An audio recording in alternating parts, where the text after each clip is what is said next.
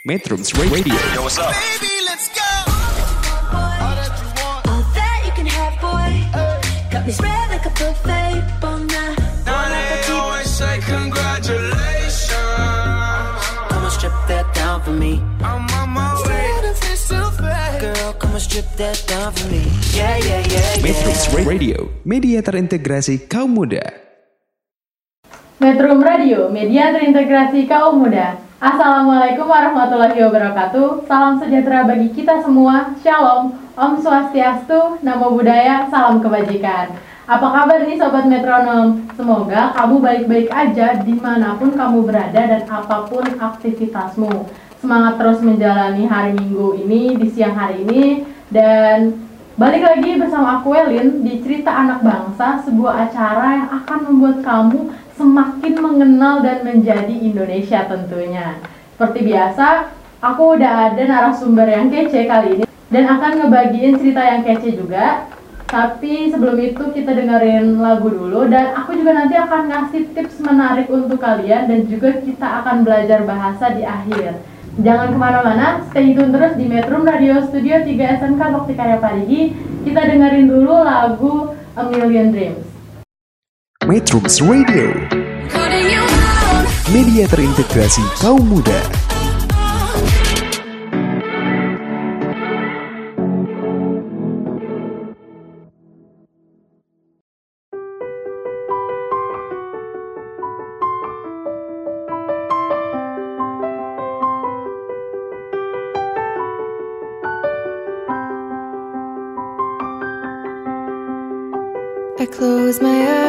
And I can see a world that's waiting up for me that I call my own.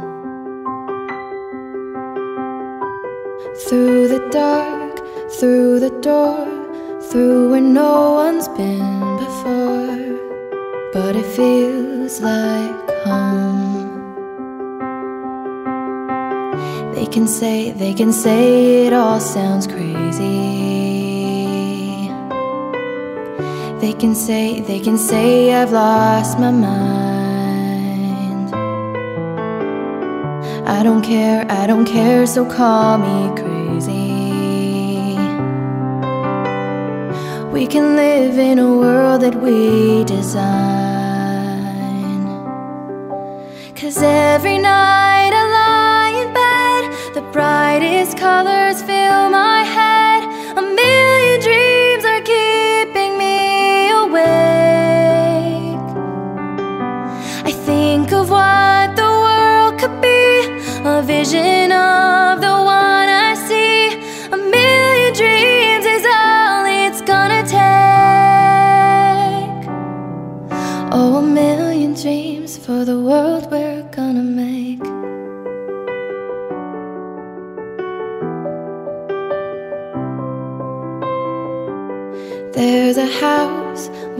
can build. Every room inside is filled with things from far away. The special things I compile, each one there to make you smile on a rainy day. They can say, they can say it all sounds crazy. They can say, they can say we've lost our minds. I don't care, I don't care if they call us crazy. Run away to a world that we design. Every night I lie in bed, the brightest colors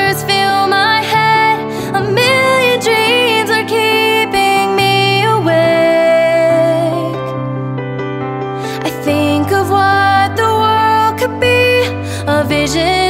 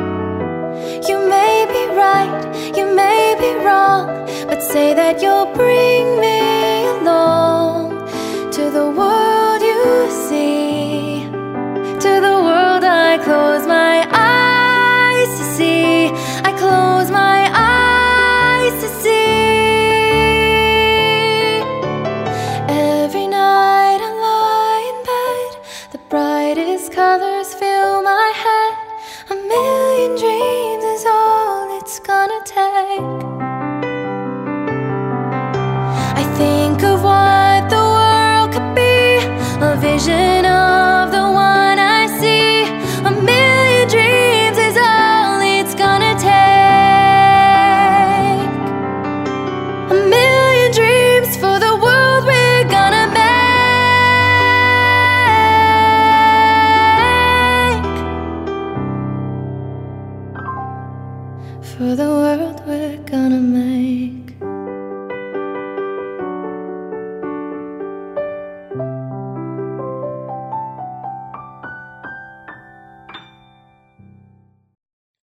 Metrums Radio, media terintegrasi kaum muda.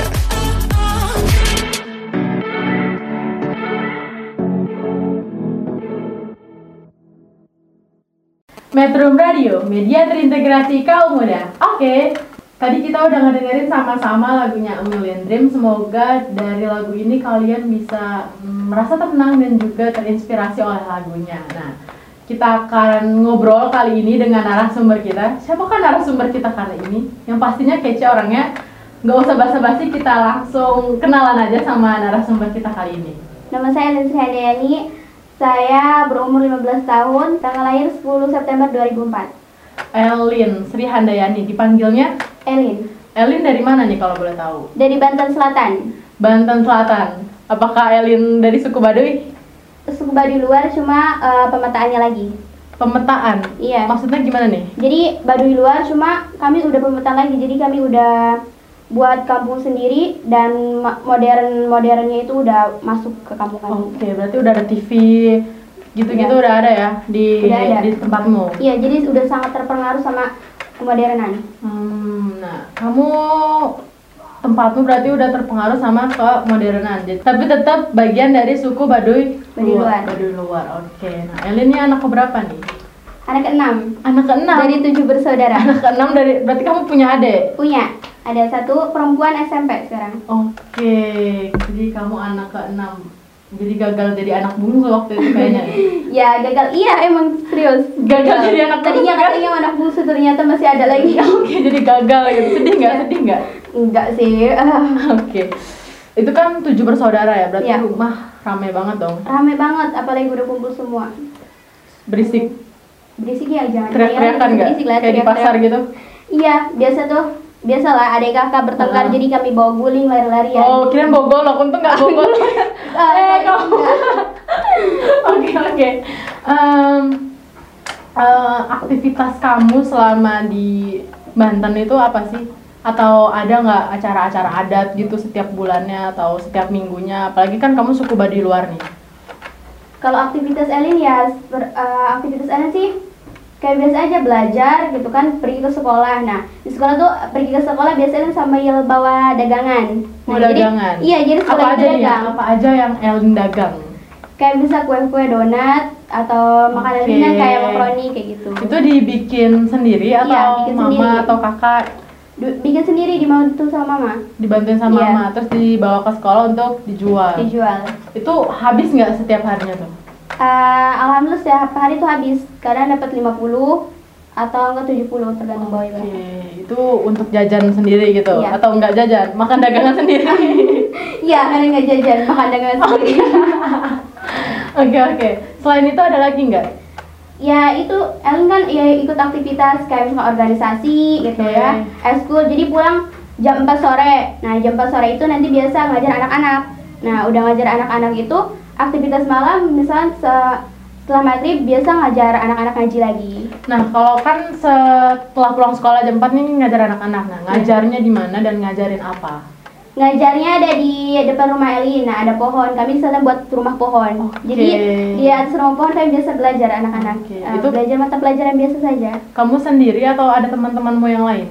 Eh, sendiri sih, soalnya di kampung Elin tuh di kampung Elin gitu ya, di RT Elin gitu. Cuma Elin, jadi Elin tuh kayak gak ada teman, jadi sama anak-anak aja. Jadi daripada sendiri, mending buat aktivitas sama anak-anak. jadi gitu. kamu satu-satunya istilahnya remaja di situ. Iya. Yang lainnya Hmm. anak-anak. Ya ada remaja uh, sepantar Elin, cuma mereka laki-laki. Jadi nggak Oke. banyak laki-laki lah. Jadi karena kamu sendiri maka yaudah main sama anak kecil ya. Iya, masih hari kecil. Terus pulang ngajar lagi di tempat ngaji. Iya. Selain itu ada lagi nggak acara-acara adat gitu di tempatmu? Kalau acara-acara adat itu diperingati hari-hari tertentu, kayak misalkan ya biasa kayak acara maulid. Nah itu acara maulid biasa ada acara khusus sih, kayak misalkan eh, apa kalau bahasa kami itu arak-arakan. Hmm. Jadi gitu ada acara di sana ada tari-tarian, acara adat, sama kuda lumping juga debus. Debus itu suka silat. Wah, nanti menarik nih sobat metronom untuk kita kupas cerita debus ini tapi nanti dulu nanti dulu masih panjang perbincangan kita sama Elin. Nah, kita tanya dulu apa sih hobinya Elin? Kalau tadi Elin udah cerita dia suka ngajar, suka main sama anak kecil, mungkin hobinya nggak jauh-jauh juga nih dari ini. Tapi langsung aja kita tanya, apa sih hobimu itu apa? Kalau hobi sih banyak sih hobi banyak ya. Tapi hobi khusus itu ada yang namanya uh, nulis. Nulis, Biasalah coret-coret buku. Kalau Coret-coret di buku? A, B, Ah, C iya. gitu. Coret-coret curhat di buku. uh, curhat buat jadi ya. karya. Terus hobi baca. Hobi baca sih kayak baca novel gitu. Suka banget Oke. baca novel atau berita. Terus hobi itu desain. Jadi gaya gambar-gambar baju lah iseng. Jadi dari hobi nulis juga makanya ikut gitu di sosmed tuh kayak misalnya eh, event-event tertentu gitu. Oh, kayak Walaupun lomba-lomba. nggak pernah menang sih. Jadi kalau kata bahasa itu iseng-iseng berhadiah. Oh iya benar benar benar benar. Jadi kamu suka nulis? Iya. Eh, nulisnya nih dalam bentuk apa kan ada cerpen, ada puisi, ada prosa, em, atau hard news gitu-gitu. Nah kamu tuh lebih suka nulis yang gimana?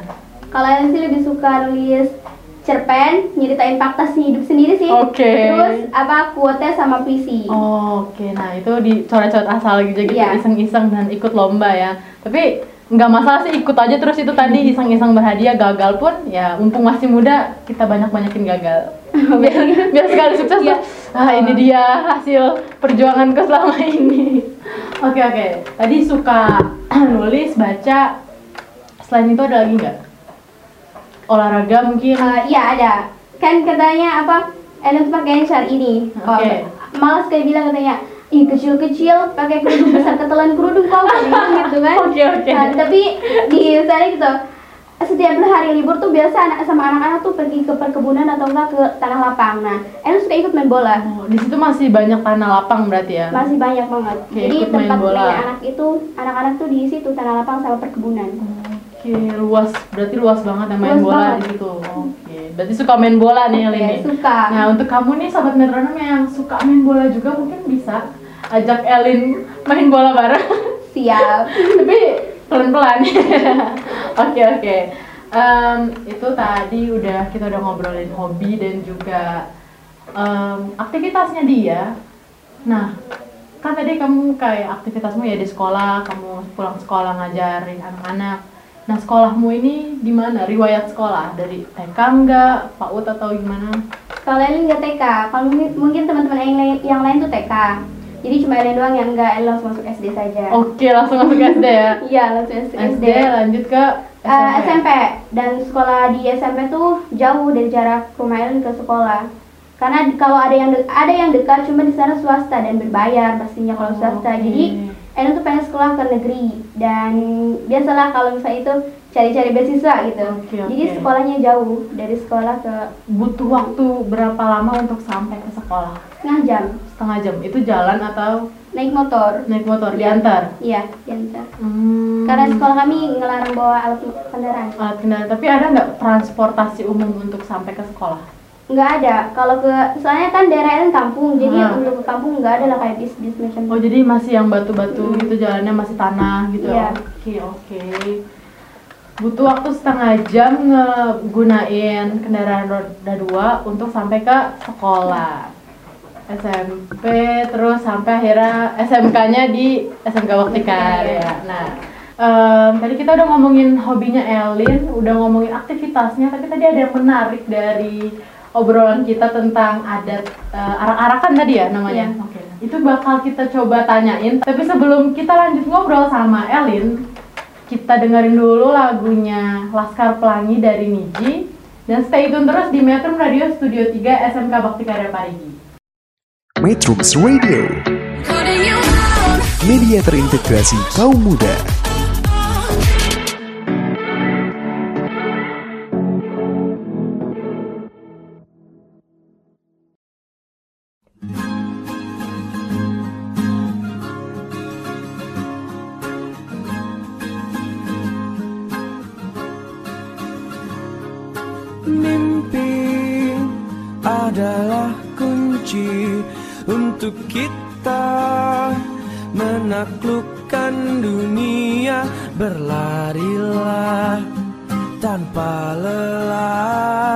Sampai engkau meraihnya. Laskar pelangi takkan terikat waktu. Bebaskan mimpimu di angkasa Warnai bintang di jiwa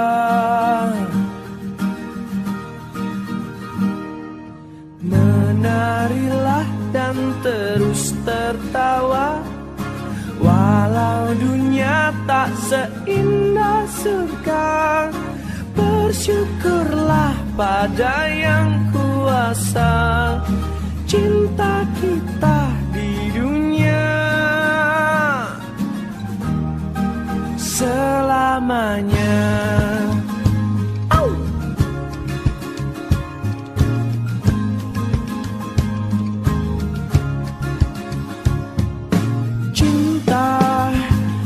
kepada hidup memberikan senyuman abadi.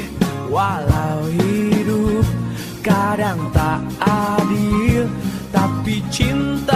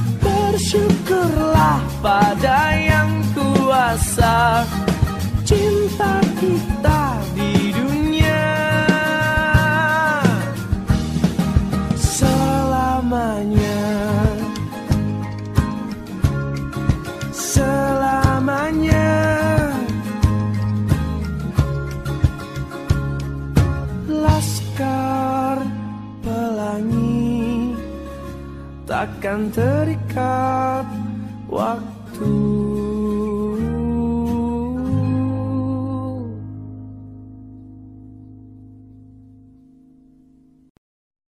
Metrums Radio, media terintegrasi kaum muda.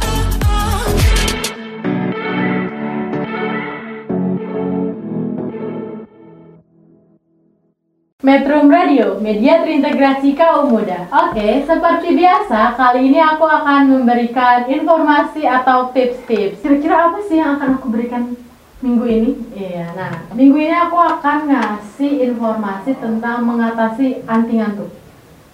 Biasanya kita itu suka ngantuk kalau lagi kerja atau lagi di kelas nih, apalagi siang-siang sekitaran jam 10 sampai jam 12 tuh biasanya hawa-hawa ngantuk itu eh, kayak ada yang meniup-niup mata gitu ya kan. Nah, ada nih beberapa tips untuk kamu agar bisa mengatasi kantukmu. Biasanya kantuk yang tidak diundang ini disebabkan oleh pola hidup, gaya tidur kita, terus cara makan kita atau kondisi kejiwaan kita. Maksudnya bukan stres ya. Iya sih stres, tapi maksudnya kita tuh kurang bisa mengolah emosi ya, kira-kira gitu. Ada beberapa tips. Yang pertama adalah tidur malam yang cukup. Jadi kalau kita mau siangnya fit atau paginya bangun lebih cepat agar memiliki waktu lebih banyak untuk menjalankan aktivitas, maka kita harus tidur lebih awal juga dan pastikan tidurmu cukup dari 5 sampai 9 jam untuk tidur. Yang kedua adalah waktu makan yang konsisten dan sehat. Nah, ini penting banget nih, makannya konsisten waktunya. Jangan sampai kamu menunda waktu makanmu dan juga konsumsilah makanan-makanan yang sehat. Jangan terlalu banyak minyak ataupun ya yang banyak mengandung bahan kimianya lah ya kira-kira. Terus yang ketiga adalah kurangi konsumsi gula. Nah, karena gula ini membuat em, tubuh kita memerlukan banyak tenaga untuk mengolah makanannya, karena kita ganti gula-gula ini menjadi roti atau buah-buahan, sayur-sayuran, makanan-makanan yang sehat dan bisa buat badan kalian tuh fresh gitu. Yang keempat adalah kunyalah permen. Biasanya kalau kita udah ngantuk-ngantuk gitu, bisa nih kita makan permen. Tapi, tapi jangan ketika di kelas untuk kamu yang masih sekolah nih sobat metronom lagi di kelas kamu ada guru terus kamu makan permen buka permen hmm, nah itu jangan itu Em, ketika udah istirahat ataupun lagi senggang dan emang nggak ngapa-ngapain dan kamu ngerasa ngantuk tapi ingin tetap produktif kunyalah permen permen yang min atau permen yang mengandung kandungan kopinya itu bisa bikin kamu lebih fresh lagi yang kelima adalah bergerak atau lakukan peregangan. Jadi kalau kamu udah ngerasa ngantuk nih, eh, bisa ya kamu push up mungkin atau gerak-gerakin aja tanganmu, gerak-gerakin badanmu, ngulet gitu supaya eh, otot-otot badanmu tuh relax dan kamu nggak ngantuk. Biasanya tuh dulu aku kalau SD atau SMP suka nih kalau ngantuk aku bilang ke teman-teman aku nanti kalau aku tidur kamu tolong tusuk aku pakai eh, pensil atau pulpen. Jadi kalau udah kita ngerasa ngantuk, terus ditusuk gitu lah. Itu tuh bikin kaget dan yaudah ngantuknya hilang. Jadi lakukan peregangan dan gerakan-gerakan yang bikin kamu lebih rileks dan sadar. Yang keenam adalah hirup udara yang segar. Biasanya kita kalau di kelas terus atau di dalam ruangan terus itu merasa sumpek. Jadi udara yang kita hirup itu itu aja. Nah, kita bisa keluar dulu, hidup dulu udara yang segar, lihat pohon-pohon yang hijau supaya mata kita lebih fresh lagi. Dan yang terakhir adalah perbanyaklah minum air putih. Ini juga menghindari uh, dehidrasi, apalagi sekarang musimnya masih musim kemarau, meskipun udah memasuki bulan Oktober, tapi di beberapa daerah belum ada tanda-tanda hujan. Untuk kamu perbanyak juga air minum supaya enggak terkena dehidrasi. Sekian uh, tips untuk minggu ini. Kita akan lanjut lagi ngobrol sama Elin karena obrolan bersama Elin ini kayaknya akan menarik banget. Em, tapi sebelum kita lanjut ngobrol sama Elin, dengerin kita dengerin dulu sama-sama lagunya Superman is Dead judulnya Sunset di Tanah Anarki.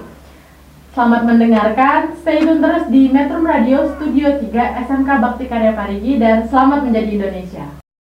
Metrums Radio, media terintegrasi kaum muda.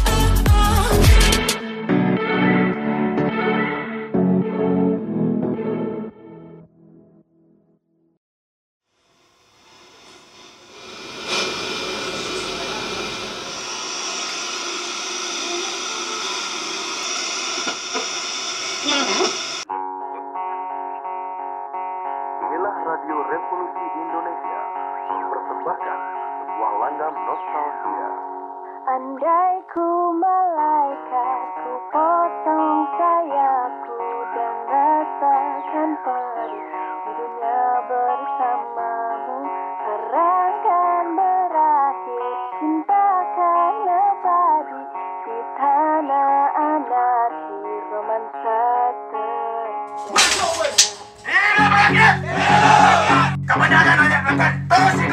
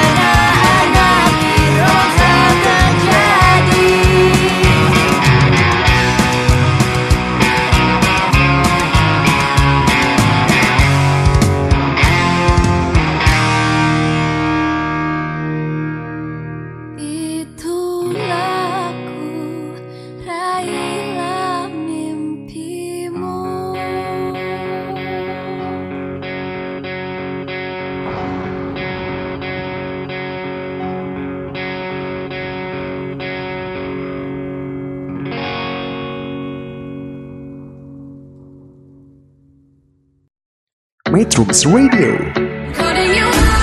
media terintegrasi kaum muda.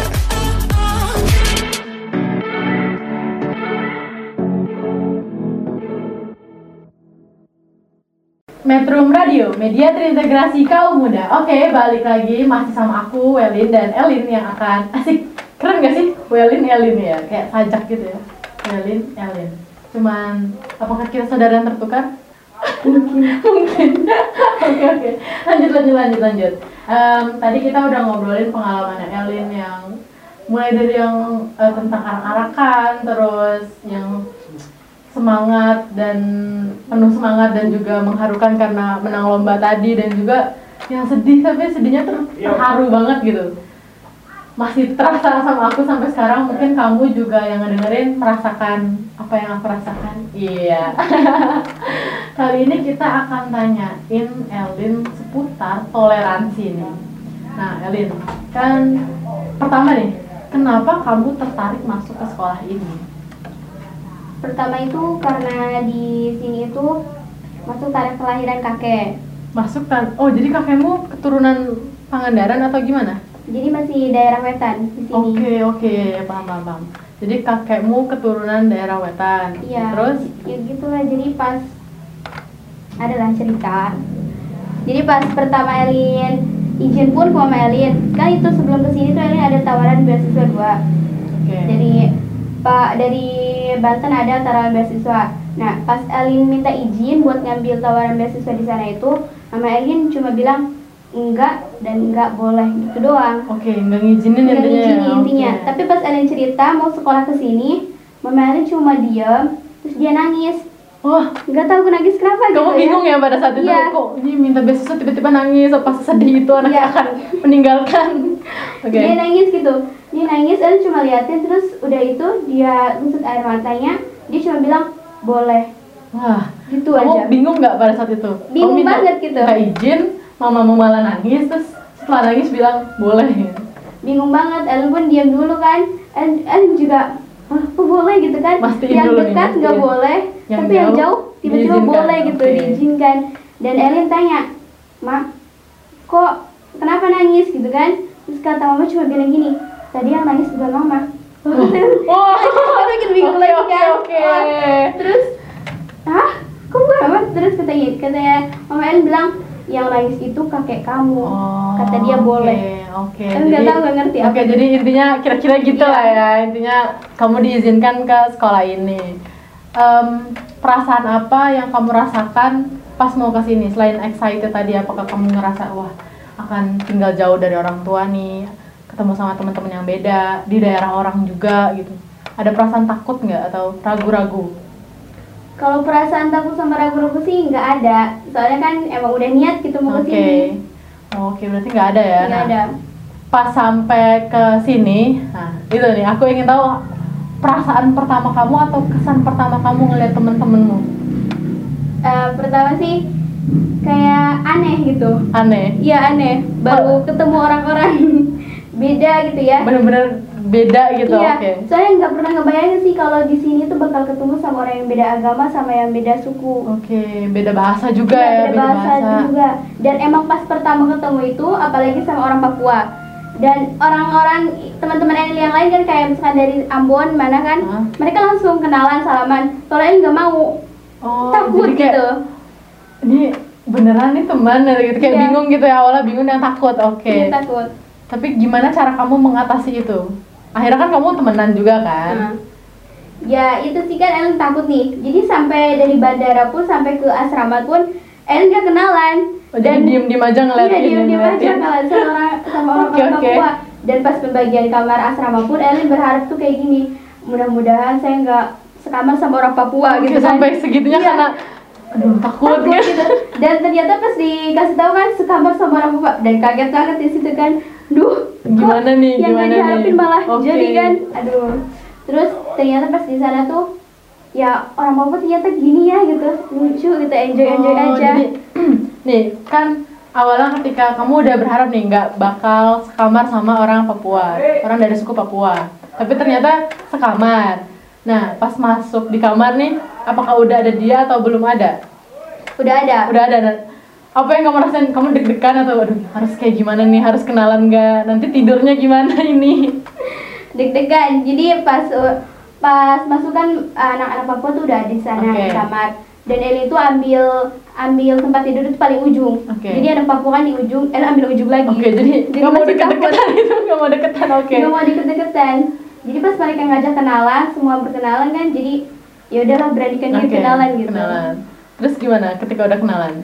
ya ternyata biasa-biasa aja apalagi pas pertama kenalan Priska langsung bertingkah kayak lucu gitu lah gitu Oke. orang Papua jadi ya pun malah jadi ikut ngakak Oke, gitu jadi jadi malah berbaur gitu Iya, ya. berbaur. Oke, nah selain tadi kan em, itu dari pertama kali kamu menilai gitu ya. Setelah itu kan pasti kamu udah dekat, udah ngobrol. Ada nggak pertukaran budaya atau kamu ngasih informasi ke dia dan dia ngasih informasi ke kamu? Terus itu beda gitu. Oh di Banten nggak gini, di Papua gini. Nah itu ada nggak yang kayak gitu? ada Contohnya? Contoh itu yang paling Ellen penasaran tuh kan pas Priska nih dari Papua dia bercerita tentang adat tuh potong jari. Oke. Jadi pak di situ penasaran banget gitu. Oh ternyata di Priska itu budaya potong jari gitu dan itu alasannya karena apa pasangannya itu meninggal dan harus potong jari. Oh, jadi sebagai penanda ketika Iya. pasangannya meninggal, maka jarinya dipotong. Kamu shock nggak ketika dengar itu? Iya pertama kaget hah kata potong jari kok maunya gitu kan dipotong Hmm. jari buat ya udah Oke. meninggal gitu kan. Tapi Jadi akhirnya oh ya udah itu kan budaya mereka gitu. Oke, jadi itu untuk budaya. Nah, tadi kamu di awal juga sempat ngomong eh, baru pertama kalinya ketemu sama temen yang beda suku, beda latar belakang, beda agama. Nah, ini beda agama nih. Gimana kamu mengatasi ini? Kalau- Ada sempat ketakutan nggak takutnya? "Duh, beda agama nanti gimana nih ngobrolnya, gimana nih ibadahnya gitu. Kalau soal beda agama sih, ya biasa aja sih. Jadi eh, harus tetap jaga toleransi aja Oke. sih. Paling kan di kamar di kamar Elin tuh yang beda agamanya cuma Elin. Hmm. Jadi teman Elin bertiga itu kan Kristen. Eh, jadi walaupun beda kami di sana beda agama, di kamar beda agama, tapi saling mengingatkan gitu ibadah. Oke. Kadang kan kalau misalkan kita pulang sekolah nih Ah. lewat zuhur. Oke. Jadi biasa anak-anak non muslim nih kasih tahu ke Elin, Dek sudah sholat belum Oh, gitu. oke. ditanyain dan Iya. ngingetin gitu ya. Ya atau kadang Elin yang ngingetin, Kak cepat siap-siap gitu mau anak-anak yang yang mau ibadah gitu, mau ke gereja Oke. kan. Atau ada pas itu pas gempa kemarin kan? Oh, sempat ada gempa ya? Iya, Sempat ada pas sempat ada gempa itu ibadah pas ada gempa itu anak-anak Kristen itu menangis.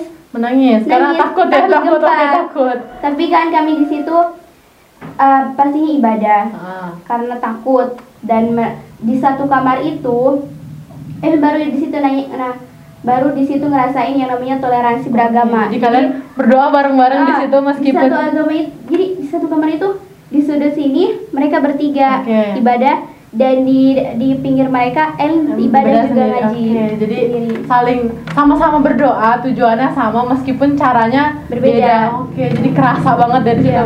Em, yang kamu rasain selain wah ini emang Indonesia nih, apalagi perasaan kamu kamu terharu apa? Wah, dapat ya kesempatan kayak gini. ya yang dirasain tuh senang banget gitu kan jadi beda-beda agama sama suku budaya dan baru dirasa eh, dirasain tuh di sini dan sharing-sharing gitu tentang kebudayaan mereka apalagi tentang bahasa mereka Oke, gitu Jadi saling saling bertukar gitu ya. Bedanya nggak dijadiin suatu halangan untuk kalian berempat nih di, di kamar. Tadi aku dengar kamu ngomong dek kak, apa udah seakrab itu sampai manggil adek kakak nih? iya dan seakrab itu serius jadi malahan di awal mula kami bisa lebih dekat lagi Oke. kan pertama takut nih Ah, takut. jadi lebih dekat lagi di situ kami nyebut adik kakak malah mak gitu kan Nah, oke jadi Iya. jadi panggilannya adek kakak emak gitu ya. Iya, jadi Priska itu yang awalnya paling Elin takut, malah sekarang paling deket sama Elin. Oke, kamu panggil dia apa? Mama atau kakak? Emak. Oke, jadi kalau dia jadi mamamu ya? Iya. jadi mamamu. Jadi malah yang tadinya paling ditakutin malah jadi yang paling dekat. Jadi mamanya malahan. Iya. Kamu sobat metronom mungkin pernah juga kayak gitu ketemu sama orang baru terus kayak ngerasa wah dia pasti orangnya gini nih, wah dia pasti orangnya gini. Eh totonya ketika udah kenal, udah deket, udah saling cerita malah jadi yang paling deket dan manggilnya mungkin adik kakak atau mama mungkin nenek gitu. Oke, intinya sih itu awalnya dari prasangka kali ya mungkin ya. Iya.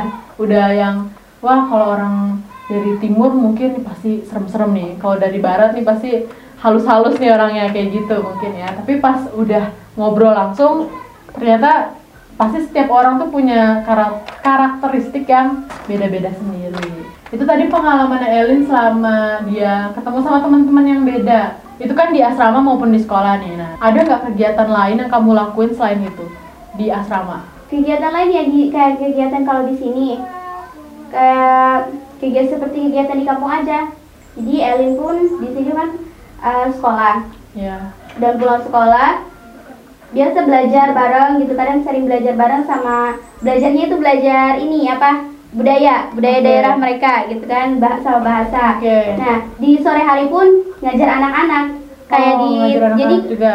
iya jadi di sini tuh El ngerasa kayak di kampung sendiri Oke. jadi sore hari pun ngajar anak-anak Ngajar anak-anak di kampung Nusantara Oke, jadi Iya. kamu eh, ya jadinya kayak di rumah aja gitu perasaannya cuman lebih ke suasana yang bener-bener beda gitu, beda Iya. beda te- temannya beda-beda, ada banyak eh, kepercayaan juga dalam satu tempat kayak gitu. Nah, tadi udah ngomongin pengalaman, udah ngomongin hobi. Nah, sekarang kita tanya apa sih harapan seorang Elin ya dan cita-citanya. Dilihat dari pengalamannya dan juga aktivitas-aktivitasnya pasti kamu udah ngalamin banyak hal udah nyobain banyak hal juga nulis baca eh, ngajar anak-anak kayak gitu. Nah cita-cita kamu apa nih? Harapan dan cita-cita kamu untuk diri kamu sendiri depannya?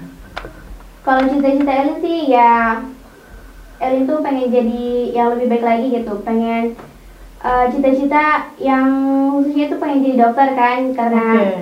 karena kesulit karena di kampung Elin kan sulit yang namanya buat eh, kesehatan Oke, gitu oke. jadi aksesnya terbatas Iya ya aksesnya terbatas apalagi dari pernah lihat kan apa orang-orang di sana yang sakit dan yang paling itu tuh ayah Elin yang sakit gitu. Oh. jadi Elin pengen jadi dokter nih jadi nanti kalau saya udah jadi dokter saya mau buat bangun puskesmas sukarela gitu Jadi gratis untuk siapa pun jadi akses kesehatan itu udah bisa diakses oleh siapa pun di tempatmu ya Iya. Oke, selain itu ada lagi atau emang kamu mau jadi dokter aja pengen jadi ini juga aktivis Oke, pengen jadi aktivis ya? Iya. Tadi kamu juga udah sempat ngajar anak-anak dari kamu SMP sampai sekarang pun di Kampung Nusantara masih berlanjut dan semoga ayo untuk kamu sahabat metronom kita sama-sama mengaminkan niat baiknya Elin untuk dia dan yang yang pastinya ini berdampak untuk banyak orang juga dari dokter maupun aktivisnya nanti. Nah, itu cita-cita kamu untuk diri kamu sendiri. Nah, untuk Indonesia yang luas ini, yang beragam ini apa? kalau cita-cita Elin untuk Indonesia itu Elin harap sih tet- eh, jaga toleransi toleransinya itu tetap dijaga dan Oke. bila ada konflik diselesaikanlah dengan baik gitu antara Oke. musyawarah atau dialog antar kelompok Oke, jadi nggak nggak ada yang namanya ada aksi-aksi anarkisme Oke, jadi nggak nggak berantem sesama saudara gitu ya Iya. istilahnya. Meskipun kamu tinggal di timur Indonesia atau di barat Indonesia, kita kan tetap saudara. Jadi kalau ada konflik atau permasalahan diselesaikan dengan cara musyawarah ataupun Musyawarah, dialog. Nah, dialog. ada lagi nggak selain itu? dan Elin harap sih buat pemerintah buat semua lebih ditingkatkan lagi pendidikan-pendidikan buat bukan buat di kota saja tapi anak-anak dari pedalaman juga. Oke. dan tetap dilestarikan budayanya di Indonesia supaya tidak hilang. jadi selaras gitu ya pendidikan kesehatannya juga terus em, eh, pendidikannya kesehatannya budayanya tuh selaras pembangunannya kayak supaya semua orang merasakan yang sama gitu seluruh Indonesia. Oke. Em, kita udah ngobrolin banyak banget hal sama Elin tapi kita masih ada lagi yang akan kita obrolin dan yang mungkin kamu sobat metronom tunggu-tunggu. Tapi sebelum itu kita dengerin dulu lagunya Tulus judulnya Gajah. Stay tune terus di Metro Radio Studio 3 SMK Bakti Karya Parigi dan selamat menjadi Indonesia. Metrums Radio, media terintegrasi kaum muda.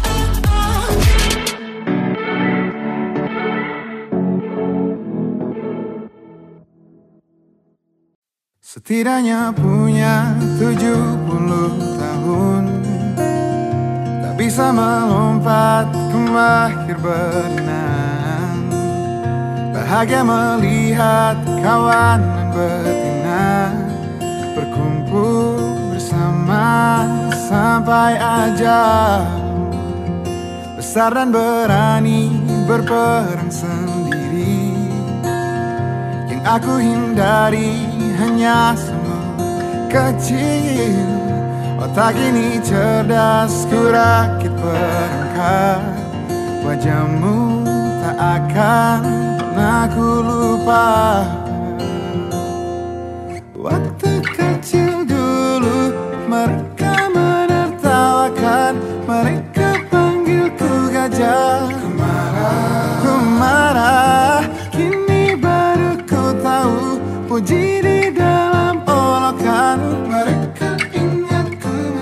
Jabat tanganku panggil aku gajah.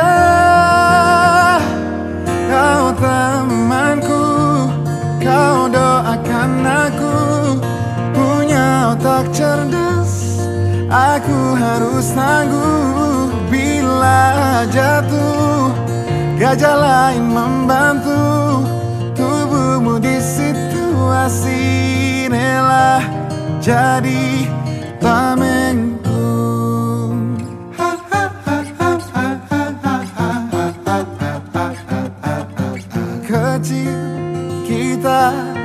tak tahu apa-apa Wajar bila terlalu cepat marah.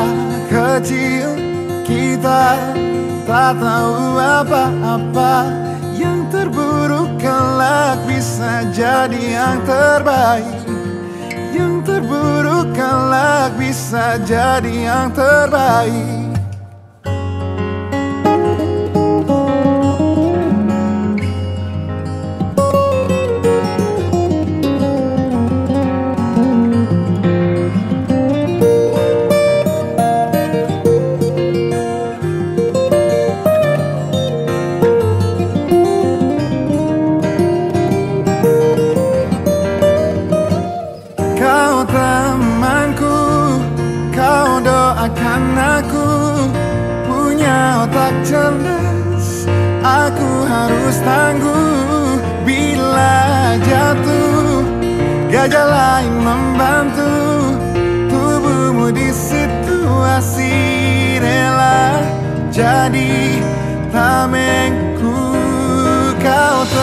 temanku, kau doakan aku.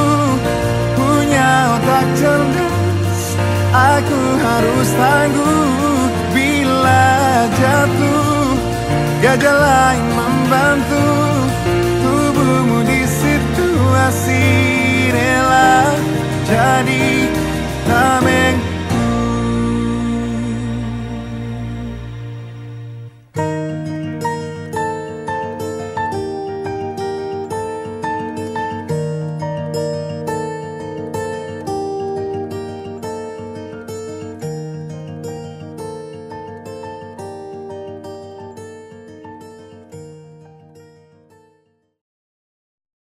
Metrums Radio, media terintegrasi kaum muda.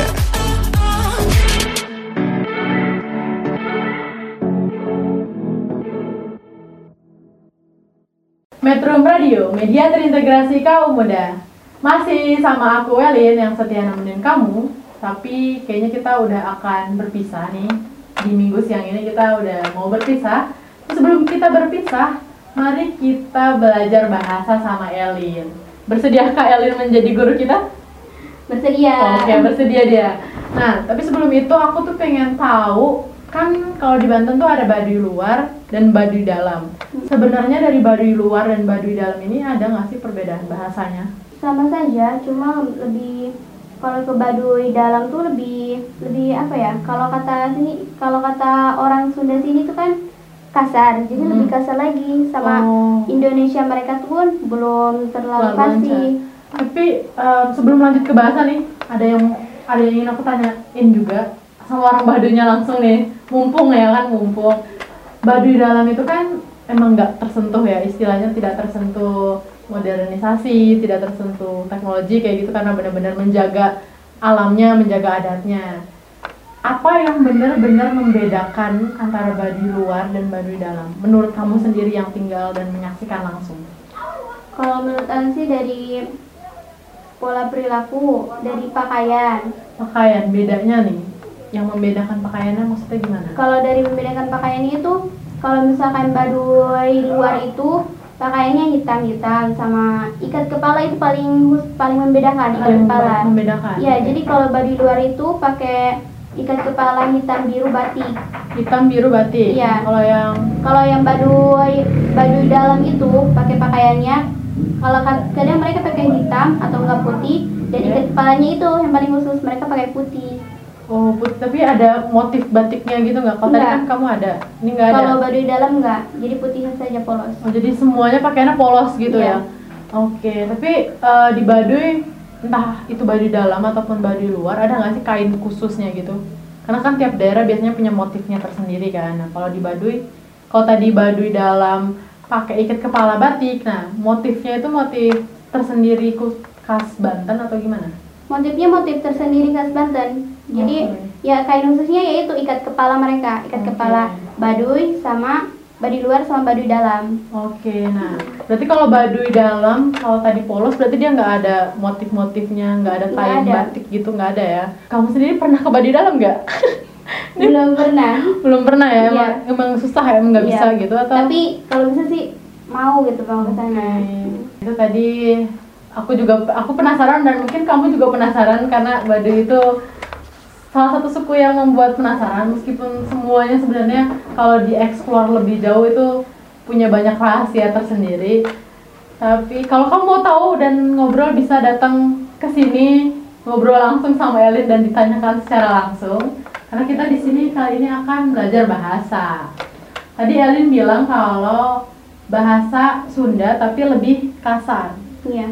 Contohnya, em, aku deh aku. Aing, Oke, jadi kalau di sana pakainya aing. aing. Tapi itu udah termasuk halus. Iya. Kalau yang kasarnya ada nggak? Itu aja sih aing. Kalau kamu sia. Oh, jadi itu satu-satunya. Iya. Aing dan sia dan itu dipakai ke orang tua juga. Kalau kalau di Baduy dalam sih iya aing sia. Kalau ke orang tua tuh karena beda lagi. Oke. Nggak usah nggak pakai sia tapi pakai tuh kami Oh, atau kami. urang biasa. Oke, jadi emang mungkin kalau kamu nih yang tinggalnya di Bandung atau di Pangandaran sendiri, di Tasik, di daerah Ciamis yang pakai bahasa Sunda halus, ketika ngobrol sama orang Baduy ini bisa bisa gawat nih kayaknya ya, bisa gawat, bisa bisa bisa salah paham terus malah main salah-salahan. Padahal sebenarnya nggak ada yang salah. Mereka benar dan tepat di daerahnya masing-masing gitu kan. Oke, itu tadi kalau aku Aing, kalau kamu Sia. Iya. Kalau misalkan udah makan atau belum? Enggeus daang encan.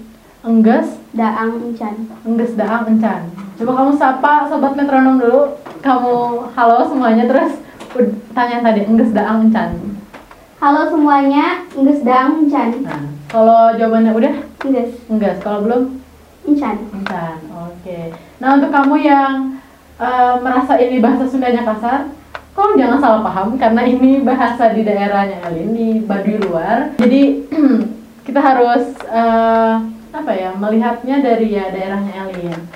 Em, apalagi ya aku, kamu, terus kalau kita tadi kurang, Urang. kita orang, mereka Mereka baru dak. barudak. Hmm.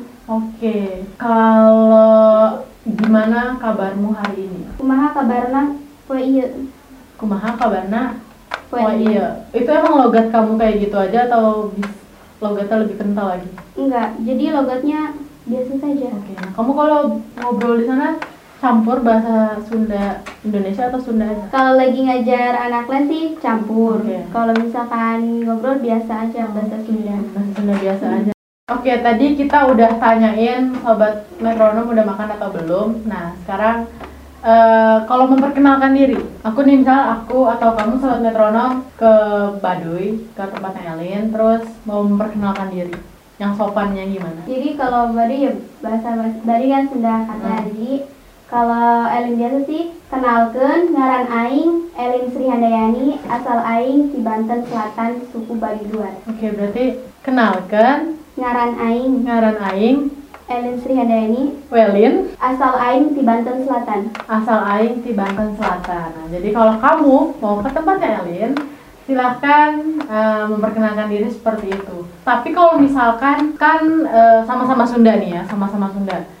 Ketika orang misalnya dari orang Pangandaran ke tempatmu ke Banten terus memperkenalkan diri pakai bahasa Sunda halus kira-kira mereka ngerti nggak Mereka ngerti, ada yang ngerti, tapi ya itu ada yang ngerti, ada yang enggak. Kalau misalnya Oke. pakai Sunda halus. jadi emang nggak semuanya di sana tuh ngerti Iya. bahasa Sunda halus ya kamu sendiri paham nggak Kalau Sunda halus, Ah. kalau Sunda halus ada yang paham, ada yang enggak. Oke, ada yang paham, ada yang enggak ya. Jadi ketika ke sini pun masih belajar gitu. Iya. Sama teman-teman yang dari Sunda juga ya. Oke. Nah itu tadi singkatnya kita ngobrol sama Elin tentang em, bahasa dan juga suku Baduy luar dan Baduy dalam secara singkat. Kalau kamu ingin tahu, kamu bisa datang ke sini. Nah kemarin kami baru aja selesai ngerayain eh, bulan bahasa dengan tema cerita Pancasila di Festival 28 Bahasa Nusantara. Acaranya itu kemarin seru banget, ada orasi, ada pidato, ada pameran budaya juga. Dan tapi tenang aja, tetap masih bisa ngobrol sama kamu kan, Lin? Iya dong. Oh, tetap masih bisa di luar acara festival ini. Tinggal datang aja dan berkunjung ke SMK Bakti Karya Parigi untuk kenalan lebih jauh sama teman-teman kelas multikultural. Nah, nggak kerasa nih kita udah di akhir pembicaraan, kita udah ngobrolin banyak banget sama Elin yang ceritanya tuh menarik dan aku pun dapat banyak informasi baru hari ini. Mungkin kamu pun merasakan yang aku rasakan. Iya. Nah, em, nah Lin, ada nggak lagu satu lagu requestan untuk sobat metronom nih? Jereng Bu Guru. Jereh. Bu Guru. Oke. Itu lagu asli Banten. Iya. Kalau boleh tahu ini lagunya menceritakan tentang apa? Jadi menceritakan tentang seorang guru yang ngajar anak-anaknya gitu. Oke, tadi judulnya Jereng Bu Guru. Oke, di akhir kita dengerin sama-sama lagu Jari Bu Guru. Tapi jangan ke mana-mana karena setelah ini akan ada bincang toleransi. Terima kasih untuk kamu udah mau ngedengerin em, pembicaraan aku sama Elin hari ini. Mohon maaf kalau kami ada salah kata dan nggak jelas ngobrolnya ke mana.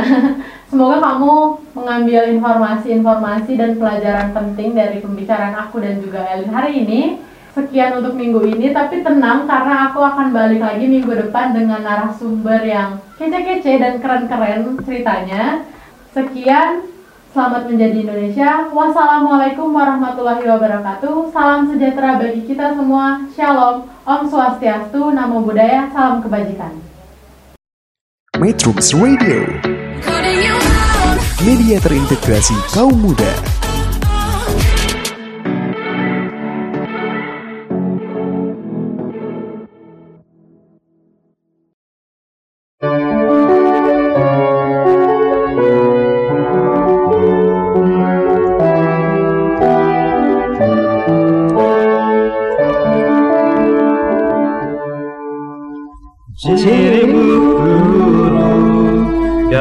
Dari